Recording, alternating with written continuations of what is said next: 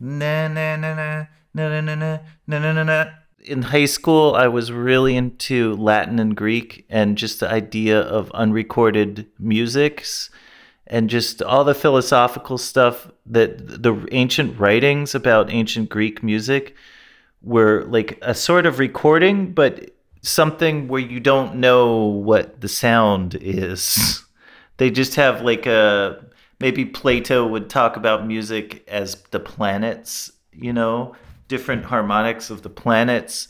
And then um, Pythagoras had his idea with the uh, the fourths, but um, I'm trying to think of another theorist. I think it was Aristoxenus who actually wrote some pretty weird intervals out for what he thought ancient Greek scales were. And um, Harry Partch and Kathleen Schlesinger are two artists from the 20th century who really kind of misinterpreted ancient Greek these ancient Greek writings and tried to like make a make a reproduction of ancient Greek music. And I was interested in that because they really kind of there's no way to interpret the ancient Greek philosophical writings on music properly. It's just unknown. It's actually just unknown what what ancient Greek music sounded like. But I like how Harry Partch tried, and it was based on Kathleen Schlesinger. She she measured the like bore holes on ancient Greek auloi. They're like a reed instrument, and she said, well, they they're equidistant in appearance. They appear to be equidistant, which actually isn't how a a reed flute work it wouldn't map out directly to an equidistant pitch set.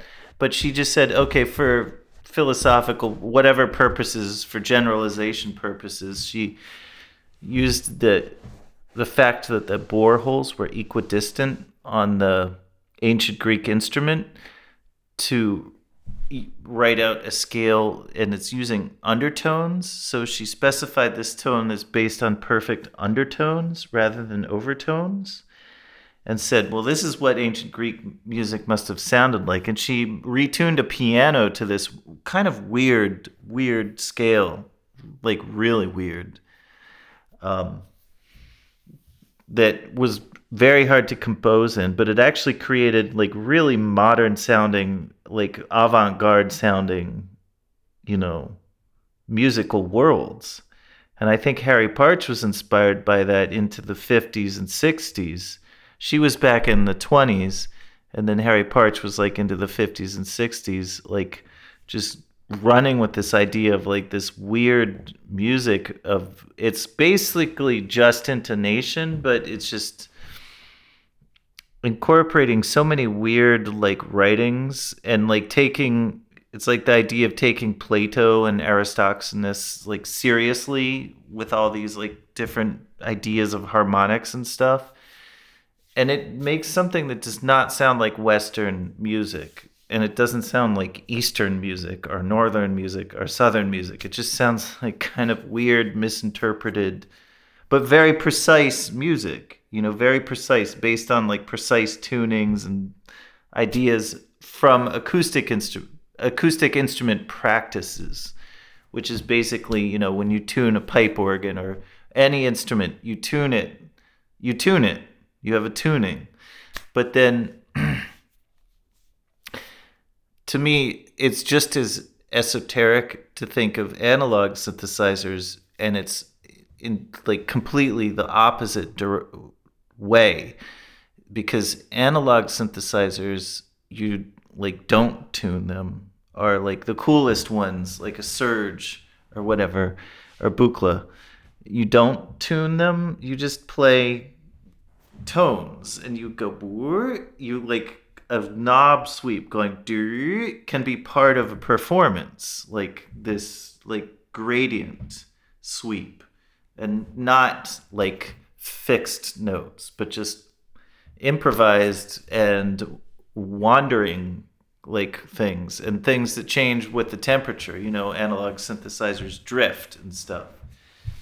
So that is like that was compelling to me to come from a background where I was really interested in fixed, like complicated, esoteric microtonalities, but also then in analog electronics being obsolete and being imprecise and being like purposefully like variable, like through a complete gradient, you know, ranges and stuff um, like just random tunings or random melodies. You know, the sample and hold on all the classic synthesizers where it just makes random notes. I remember in college we would listen to me and Stefan Tcherepnin would listen to a random melody generator just for very long into the night. Just you know, do do do do do do do do do. You know, on the synth on the Serge synthesizer. Just listen to that. You know, with your composer hat on or your jazz improviser hat on, and just you know, start chuckling, start enjoying it. You know, start playing along with it to play along with a random melody, it's pretty hard. But it's funny. It could be funny. It can be very funny to try to guess the next note, you know, do do do do do do. Um but yeah, so I think there's just those two kinds of esoteric there. There's like really precise and then just really um uh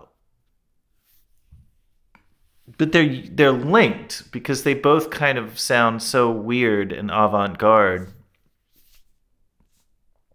So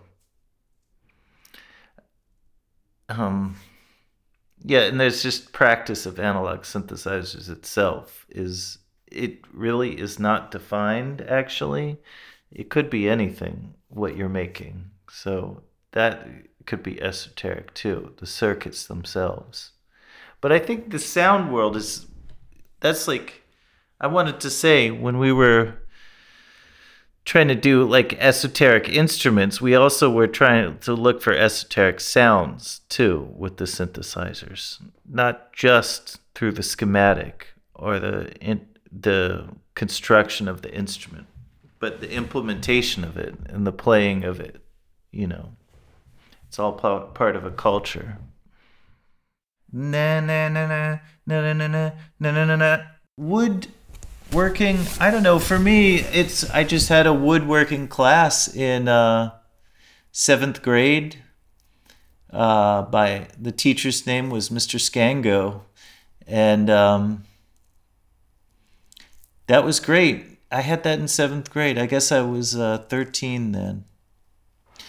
But i was in Latin class. I took Latin in high school. And I wanted to make an ancient instrument, like an ancient Roman instrument or an ancient Greek instrument. And so that's when I really had to get into wood technically.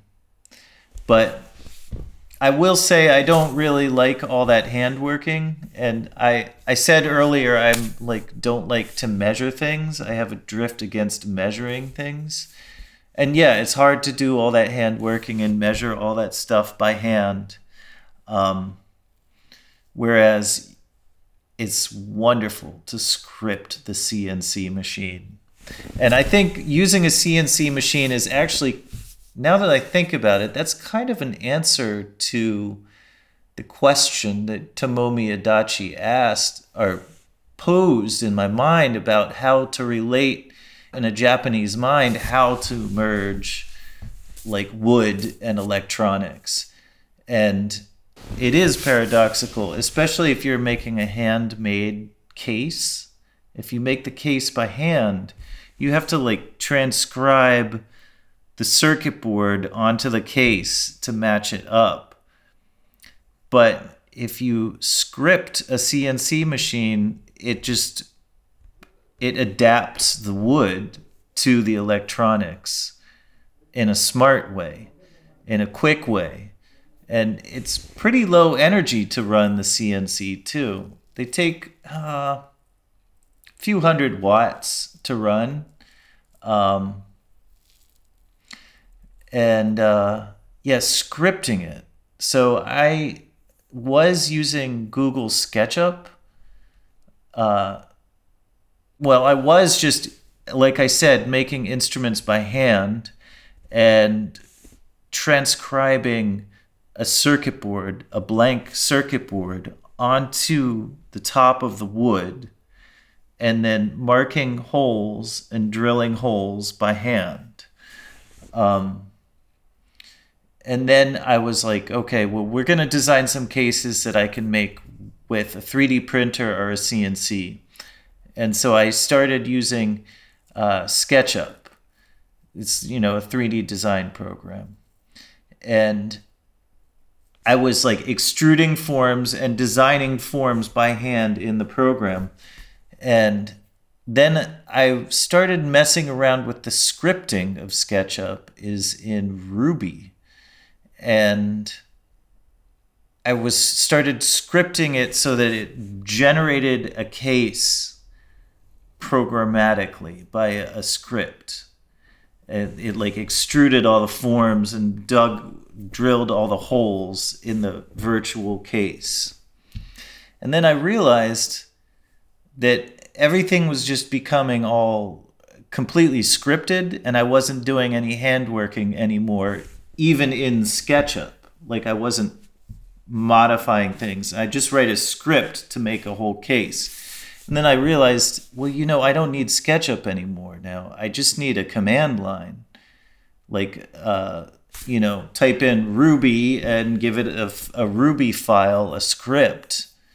And then it just, I wanted it to just generate G code directly.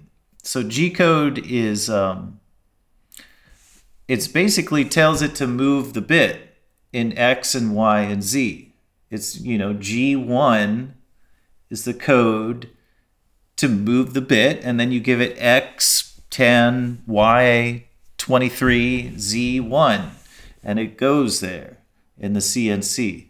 So you can start with, you know, a cutting thing. Well, another reason why I left SketchUp was because SketchUp is like additive so it's good for like 3D printing to like pull things up and like build things. And you can also take away in SketchUp too. But I wanted to actually not visualize the work as an object, but you know, this idea of the work as being the cut, like the negative. That's the work that I'm trying to visualize, the ne- the removal of wood like taking wood away. So I wanted to actually not have a visualization in the first part and just think of woodworking strokes, like the movements that a woodworker does, like moving a chisel with the grain or like having doing a like a serration across the grain the different cuts that woodworkers do because I'm working in real wood.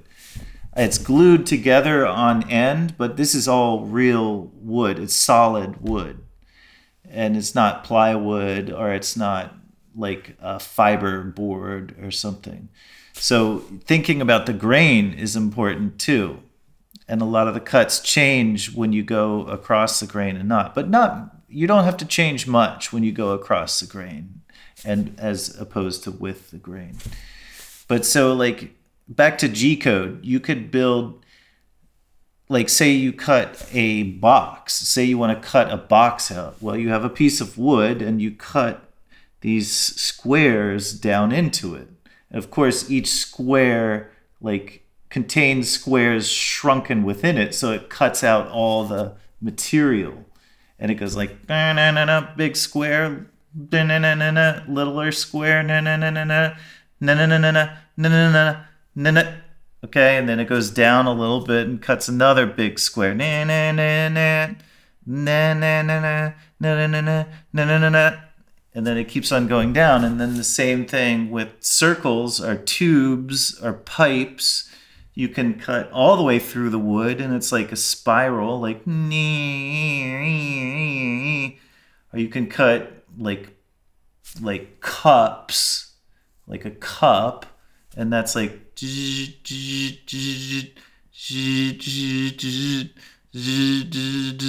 and then that's to make like a a cup in the wood for like a part, like a component, like an electronic component to sit down in that cup.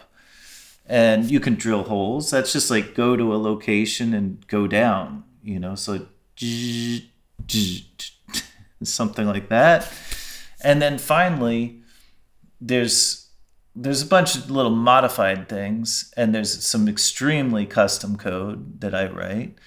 And but finally, most of the pieces have like their final cut is like this herringbone pattern, or like this triangle wave cut on the outside and that's it has rounded edges too. So it's cutting a rectangle to cut the piece out, to cut the piece of wood to release it from the wood around it. And I was just cutting a plain cut around it, just the squares, and then you keep on going down into the wood until it cuts it all the way from the wood. But the piece of the the released piece would fly off. So, and I didn't, well, because I was mounting it, I didn't want to have what's called a sacrificial, um, sacrificial base, which means you like put your piece on top of this other piece and it cuts into it over and over over time and then you eventually have to throw it away this bottom like scrap piece which isn't really a problem, but actually, I wanted to think of a better way to do it. I wanted to not have a sacrificial base, and I wanted to instead use clamps and have the piece of wood kind of suspended in the air above a solid base that's not sacrificial. And so this piece of wood is suspended up. And so I had to make up this cut, this kind of cut that would go around to release the piece, but it would create it would do it in a triangle wave. It would go up and down, nee nee nee nee nee nee nee nee nee nee, all the way around it, and it keeps on going down and down, but using this triangle wave around it. And then when it gets to the bottom, it cuts through, but it also leaves a little connection all around it, like these 20 little connections around a piece of wood. And they are still actually connected just a little bit to the whole, the rest of the wood. And then that way it prevents the pieces from flying out or breaking, which actually is a big problem when you're releasing the piece you know you lose a lot of pieces because it flies out or the bit digs into it like and then it cuts it up and all kinds of chaos can happen. And it's not fun when you put a lot of good wood and work into it already. I mean i have to spend a lot of time in the beginning. I select local wood i plane it i slice it up i pick a grouping of woods. And so I've done many different groupings of woods and many experimental kinds of wood mixtures. Um, and I've used all kinds of weird wood. I prefer to use local wood. I prefer to be with sawmills. So I do, I prefer to make something with the wood that's available but there's one there's a few like general maxims that I've developed over time that parallel the Japanese there's an art of wood plate wood mixing in Jap in Japanese traditional woodworking too. And they have like ornamental wood mixes. There's also just a kind of wood mix for utility objects and for nice um, living objects like wooden objects in the house. And this mixture consists of cherry, which is a hard, uh, like pretty wood that burnishes and finishes well, and then a soft wood like hinoki. I think pretty certain it's hinoki, like a soft wood, like cedar, and then um, you can do this in stripes. You can just do cherry, cedar, cherry, cedar, and then end with cherry. So that puts cherry on the outer edges, so it protects the piece on the outside. And it puts this softer wood on the inside, but that soft wood is stable and it's lightweight. And that's actually a really practical way of mixing wood. Um, the Japanese, the particular one I spoke of, is actually well worked out. You know, it's well thought up. There's other mixtures of wood that are more just purely ornamental, or they're like for shock effect or whatever. And as long as your wood is dry and stabilized, you can do all these shocking mixtures of wood and like hip and whatever uh, figured mixes of wood.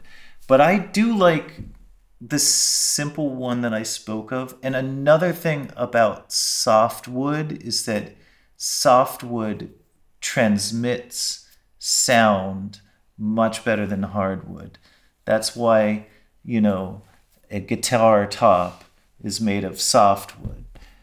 But that's just the big that's that's the that's a great example to start with, but you can also just put it everywhere inside the instrument and it makes a sonic and acoustic band in the instrument and it makes the instrument sound more lively. I mean, even if the instrument doesn't have a speaker in it, there's a feel that you modulate with wood you don't get to modulate when you're making it with plastic and if it has a lightweight feeling, and even if the sound makes a little bit, if the case makes a little bit of sound, like I'm selling instruments to musicians.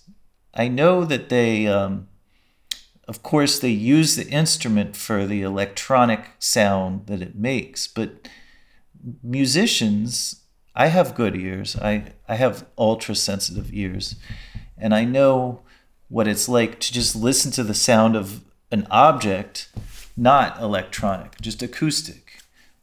You know, like tapping on the back of a wooden case. Um, and that's part of the feel. And I don't think that's, I think that's totally related because, again, we're trying to answer a question of what relationship does wood have to electronics. And I mean, the presence, the availability and wonderfulness of piezo sensors also, you know, means that we should our cases should be kind of acoustic. You should think of the case itself as acoustic. It's not just a case to protect the electronics. It can have a, a sound, the case itself. And the the organs do you do you are using acoustic transmissions across the case.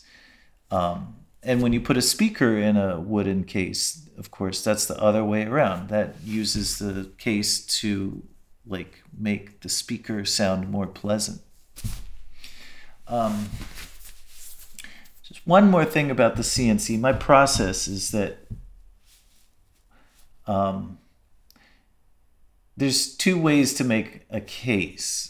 And the way I make a case, okay, well, in my head right now, there's the the hand making way, which is when you slice wood and you create you use different directions of wood to make a box. And that's like how we think of traditional woodworking is you make it by hand. And it doesn't it wastes very little because it's all just adding wood all, kind of not like a 3d printer but the idea is that the woodworkers adding wood in different directions in the right places, like how you build a house. You don't like cut a house with a CNC. You build it out of pieces, and you can build a box out of pieces too. But CNC is really appropriate for these little instruments that we're making, these synthesizers. Like, try to make a compact synthesizer, and you can make a case on a CNC without putting things together. Like in SketchUp, too, like putting things together. We're actually just taking stuff out. And that's how. Actually, that's the. If you think again about Japanese woodworking, you can think how like a chest of drawers is made out of pieces. This is an item for the home, and um, it's made out of paulownia wood, which is a lightweight wood, and the pieces are like in different arrangements and they're put together. But then if you think about a koto, that is also made out of paulownia wood, but it's made out of just one piece of wood that's been carved out. The koto is a musical instrument, and it's just actually done like by hand. It's CNC'd by hand. Think of you strap a piece of wood in and you cut out the inside of that koto so it gets really thin, and it's like a box. It's a box for sound. And you have to cut all that material out, and the sound gets louder when you cut the material out. So that's another that's the third time I've talked about Japanese woodworking. I thought that was really interesting to bring that into it. Um, I think that really makes a lot of sense to think of a case as being put together, whereas in certain musical instruments, well, and definitely with the CNC, it's about removing material and making a good blank. That's the piece that you put into it at first, making a good blank and then positioning it in the right place and having it cut and stamp out, cut the shape.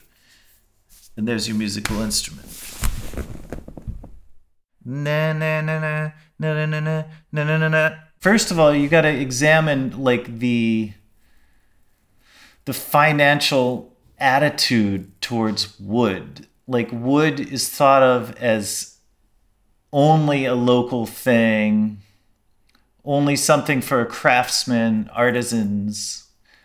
Um, so yeah, it's thought of as you can't do wood with a big company, and that's really interesting by itself. That it's like the material itself excludes a big company, and I think I've been interested in that. By the way, I I definitely think I'm interested. I've never been interested in becoming a big company. Um, and so making things by hand and doing it the slow way has always been kind of like a break to do that. But of course, when I developed the scripting with the CNC, I could accelerate very much with the CNC and the scripting. That accelerated me greatly. Um, I can't think well, I can only think of inspirations in terms of woodworking, but I can't think of other companies. I don't think I can think I can't I can't think of other companies. Because there's this thing about wood just not being it's like anti-economic or something. There's this prejudice against it that it's not you know viable for like capital. It's not capital or something. That's cool, actually. That's pretty cool. Um, I mean, I can drop names like I've really I was inspired a lot by Harry Partch in my beginning, and he made he was just a creative artist who made a bunch of wooden instruments. He was trying to make an ancient Greek instrument, but instead of making a kithara that's like about you know body size or chest size, torso sized kithara. He made a huge, you know, like large person size kithara that you dance in front of. You move, you move, th- you move these sliders on it, and it's he's California. He's really creative, and um, California, 20th century, really creative and weird. Um, experimental artist, but made all his instruments. Was a good woodworker, really good woodworker. But again, that is definitely the other kind of woodworking that I don't do anymore. The craft kind where things are put together out of other little pieces put together. And that's the kind I don't do.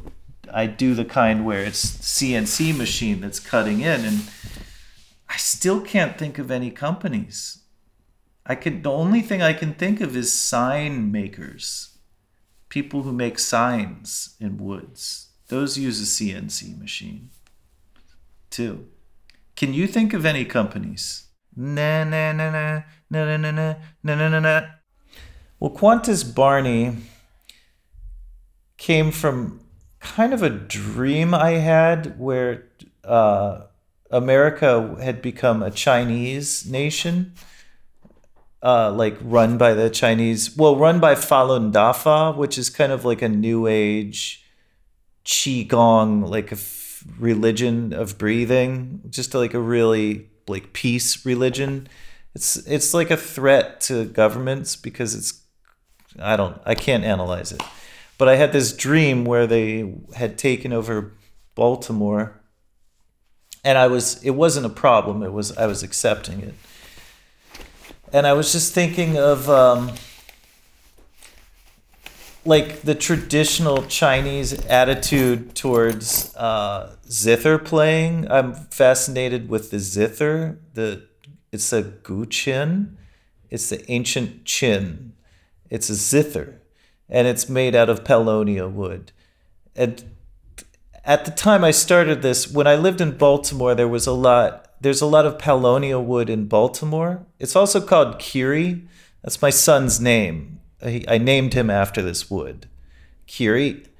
Um, and it's paulownia wood. It's uh, it's a light wood and it's a musical wood, and it had spread to Baltimore because China, like porcelain dishes, were packed in using its seeds as packing material um, inside the boxes. And so the seeds would fly off the train tracks in Baltimore and into the woods. And it set up a, a very nice, beautiful forest like intrusion of paulownia trees. And I just think it's the most beautiful thing. I think invasive species are what's gonna save they they are beautiful. I think they can save the planet. Here's how. I think paulownia wood is more resistant to the diseases and the kind of stuff that's spread by global warming is paulownia wood grows well in tropical well in southern in warmer regions and in colder regions and in mountains too? Um, so it's resistant to a lot. It has a sap that is very strong well not very strong chemical not as strong as sumac but it does have a sap that is antiseptic. And so it's res- it also has a smooth bark too. So there's less places for uh, diseases to grow in it. In the short term, we hate invasive species because they replace native species. But what is a native species anyway? And in America, we're all invasive species too, except for the Native Americans. And bottom line, I think we should give these things, these other organisms, a chance. We shouldn't hate, we shouldn't like hunt invasive species or poison them or like hate any kind of immigrants too. We shouldn't hate immigrants and we shouldn't think of things as invasions. They're just cohabitations. The paulownia tree works very well in Baltimore. It's beautiful. Um, It smells really good in the spring too. And you know, to me, I was like, this is a musical wood too. And I started scavenging pieces from by the train tracks and I built I was really interested in building my own zithers. That's the this ancient qin that I was talking about, the guqin, and the koto, the Japanese koto, too, are both made out of paulownia wood.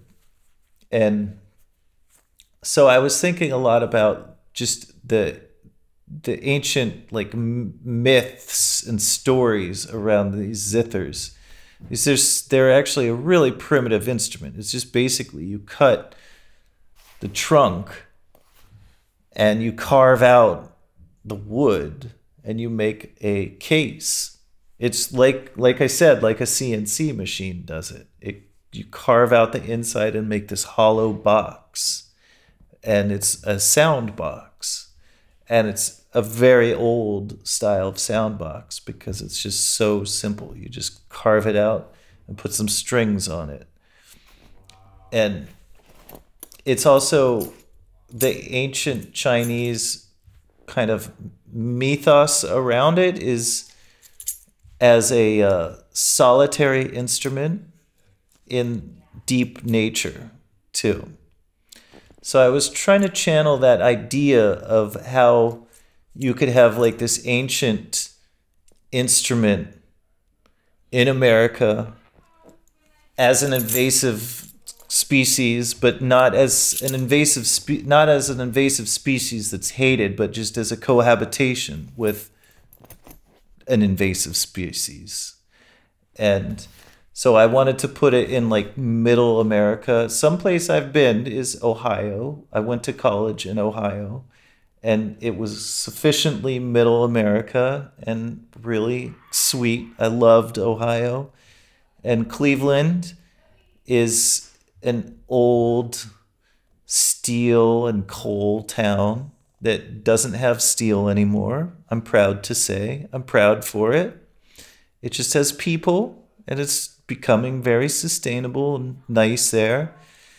I remember it was the first town where I went to a surplus electronics store. So that was huge for me to pick around old electronic parts in Cleveland, Ohio, right next to a beautiful abandoned steel factory. And so I wanted to use that as a setting and I wanted to be like think of this ancient kind of Chinese zither player um, with a funny name, Ciat-Lonbarde. But like what he, what his attitudes would be, what his a role as an artist would be. Like, of course, he's he's solitary, so he's he's alone in the in the woods or just in the fields, like somewhere in Ohio. Um, but he has a radio transmitter. So that's it's the name is a joke on the American store Radio Shack was just the name of this like cheesy American store for elect overpriced electronic tools and parts. Um, so he's in a Radio Shack, but a shack. The idea of a shack is cool too. It's like this wooden building with holes in the wall like a shitty wooden building, you know. And he's in that shack and he's transmitting. So you can with radio you can be solitary. He's alone in the country transmitting on a radio. And I imagine like the farmers the local farmers hearing him and like his relationship to the others. Well, he's an other and his relationship to the people who are there in that landscape.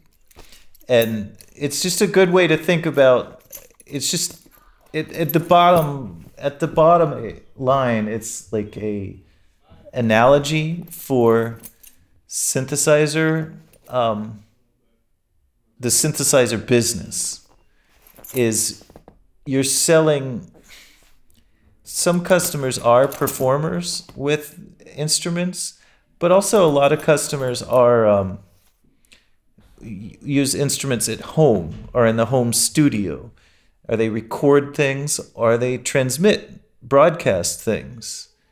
You know, and I wanted to go for the gold for me is actual literally analog radio, like where it's broadcast and there's no recording of it.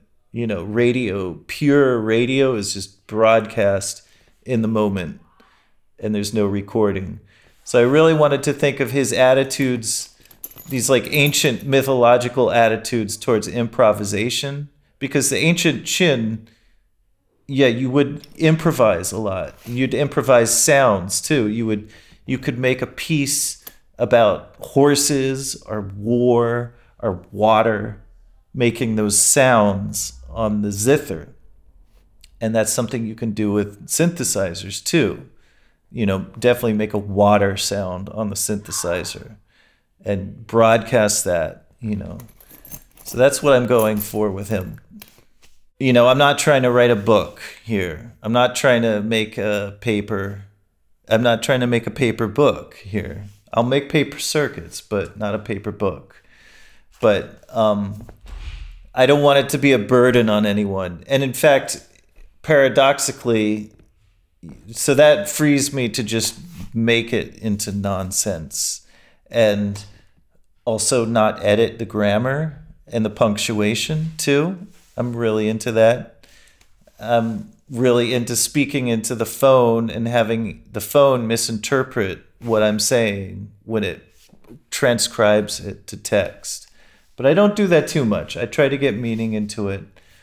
Na na na na na na na na na na na. I was introduced to world making and it was like a tool to me that was just a great creative tool. I just loved the idea. So I didn't know you could make worlds. I mean, there was this thing called science fiction.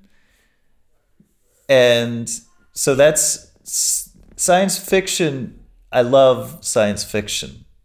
I don't really like Star Wars now because of Disney. But Disney, I guess, is world. Well, no, Disney's like world copying.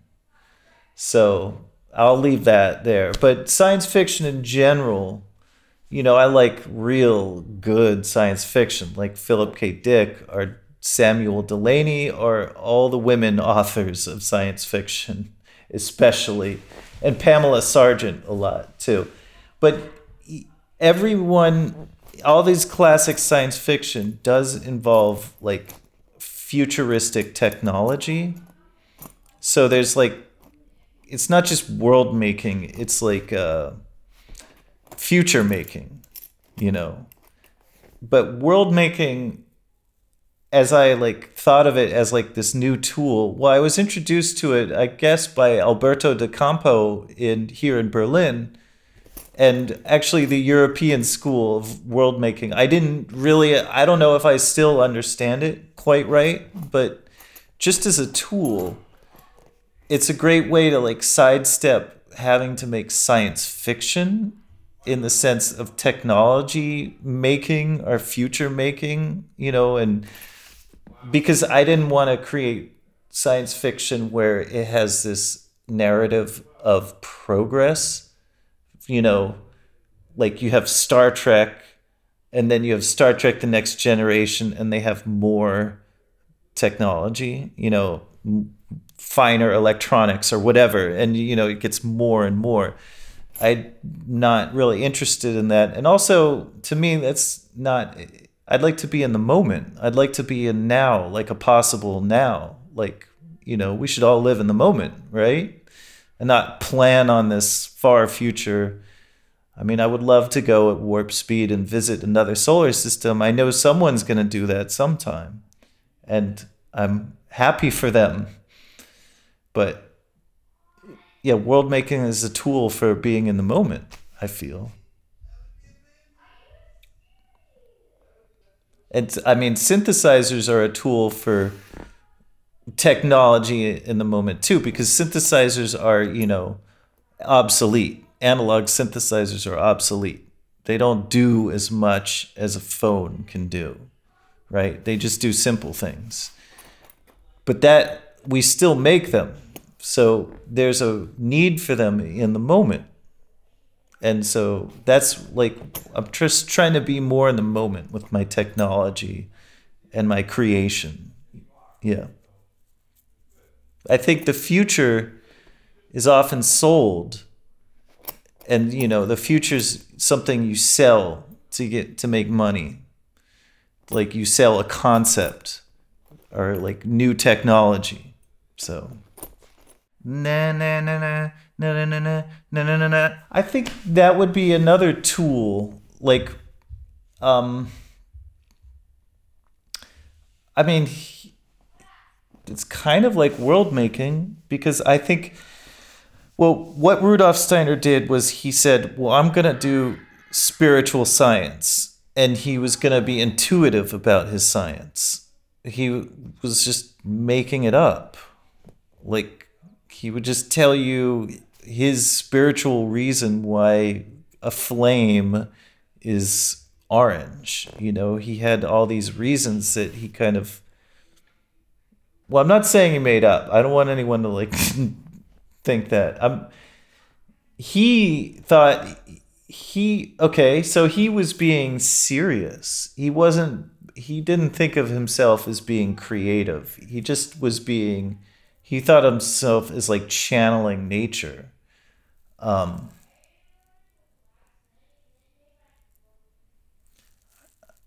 I don't know what to do. Well, I think of it kind of like as a way to not take myself too seriously too is to try to like channel Rudolf Steiner and to try to have like an intuitive intuitive sense about the technology. Yeah, I think it's mostly about just intuition towards technology. I mean, main a lot he talked about technology, but he talked about physics and the spirit too. But when he talked about technology, it was usually like a warning. Like he warned that when people go on the train too fast, when trains were first getting fast, that there would be an effect on your astral body would get like kind of smeared out behind you. You like lose your coating of your spirit coating because you're going too fast. And no one's disproved that. but I just like how he just thinks about those things as like something you would you could worry about. It's like making a it's world making like a spiritual world. It's always trying to be creative with your your your spirit in and yourself and, and how you see the world. And I think it's important for electronics. It gives you these kind of intuitions, give you a clue as to maybe like the most sustainable thing to do. Like never take it, never do too much of one thing. Yeah, it gets real deep with Rudolf Steiner. Thanks for asking about that. Maybe I'll get back to you some more about that. Na na na na na na na na na na